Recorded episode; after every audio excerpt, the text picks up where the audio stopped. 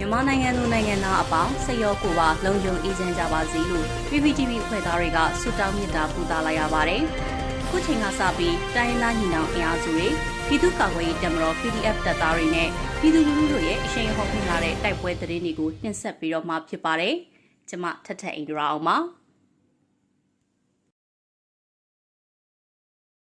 ပထမဦးစွာဒီမော့ဆိုကုန်းသာရွာမှာတက်ဆွဲထားသောစစ်တပ်ဝင်းရောက်တိုက်ခိုက်ခံရတဲ့တဲ့ရင်ကိုတင်ဆက်ပေးပါမယ်။ကယားပြည်နယ်ဒီမော့ဆိုမြို့ကုန်းသာရွာမှာတက်ဆွဲထားတဲ့အကြမ်းဖက်စစ်တပ်ကိုဒေသခံကာကွယ်ရေးတပ်ဖွဲ့တွေကစက်တင်ဘာလ26ရက်နေ့မှာဝင်းရောက်တိုက်ခိုက်ခဲ့ပြီးစစ်သား15ဦးသေဆုံးကြောင်း KRU တပ်ပေါင်းစုထံမှသိရပါဗျ။အကြမ်းဖက်စစ်တပ်တက်ဆွဲထားသောဒီမော့ဆိုမြို့ကုန်းသာကျေးရွာတွင်ကိုကယားကရင်နီတော်လှန်ရေးတပ်ပေါင်းစု KRU နဲ့ မဟာမိတ်တပ် DMO PDF တပ်ရင်း A တို့ပူးပေါင်းက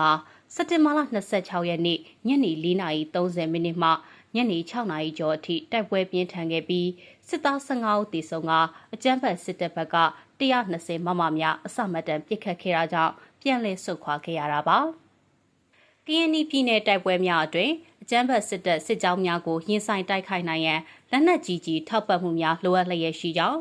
တိုက်ပွဲတပွဲဖော်ဆောင်ပြီးလျင် လက်နက်ခဲယမ်းများပြန်လည်ဖြည့်တင်းရသည်မှာကြာမြင့်သောကြောင့်အလူရှင်များအနေဖြင့်ထိထိရောက်လှူဒန်းပေးရန်တောင်းဆိုကြောင်း KRU တပ်ပေါင်းစုမှတာဝန်ရှိသူကဆက်လက်ပြောဆိုပါရယ်ဆက်လက်ပြီးတော့တပည့်ရင်မြို့အဝင်းစိန်မန်းပင်တရားဂိတ်စခန်းတိုက်ခိုက်ခံရတဲ့တဲ့ရင်ကိုတင်ဆက်ပေးပါမယ်။စကိုင်းတိုင်းတပည့်ရင်မြို့အဝင်းစိန်မန်းပင်တရားဂိတ်စခန်းကို PDF ပူပေါင်းတပ်တွေဝင်ရောက်တိုက်ခိုက်ခဲ့ကြောင်းတော်လိုင်းရေးတပ်ဖွဲ့ကရဲဘော်ဖီနစ်ကရန်ကုန်ခေတ်သစ်သတင်းဌာနသို့ပြောပါရယ် စက်တင်ဘာလ24ရက်နေ့ညနေ6နာရီအချိန် DRPA Rangers of Mandalay ROM လူငယ်မွေဝေးအဖွဲ့နဲ့ဒေသခံပူးပေါင်းအဖွဲ့တွေကပြည်သူ့ကာကွယ်ရေးတပ်သားအင်အား10ဦးကတပည့်ရမြို့အဝင်စစ်ကောင်စီရဲ့စိန်ပန်းပင်တရားဂိတ်စခန်းကိုလက်နက်ကြီး40မမ60မမတို့နဲ့ဝင်ရောက်ပစ်ခတ်တိုက်ခိုက်ကြောင်းသိရှိရပါတယ်။အပြန်အလှန်ပစ်ခတ်မှုဖြစ်ပေါ်ခဲ့ပြီးစစ်သားထိခိုက်ကြဆုံးမှုအခြေအနေကိုမသိရှိရသေးကြောင်း မာမိတ်အဖွဲ့မှ ထိခိုက်မရှိ ပြန်လည်ဆုတ်ခွာနိုင်ခဲ့ကြောင်းရဲဘော်ဖီနစ်ကပြောပါတယ်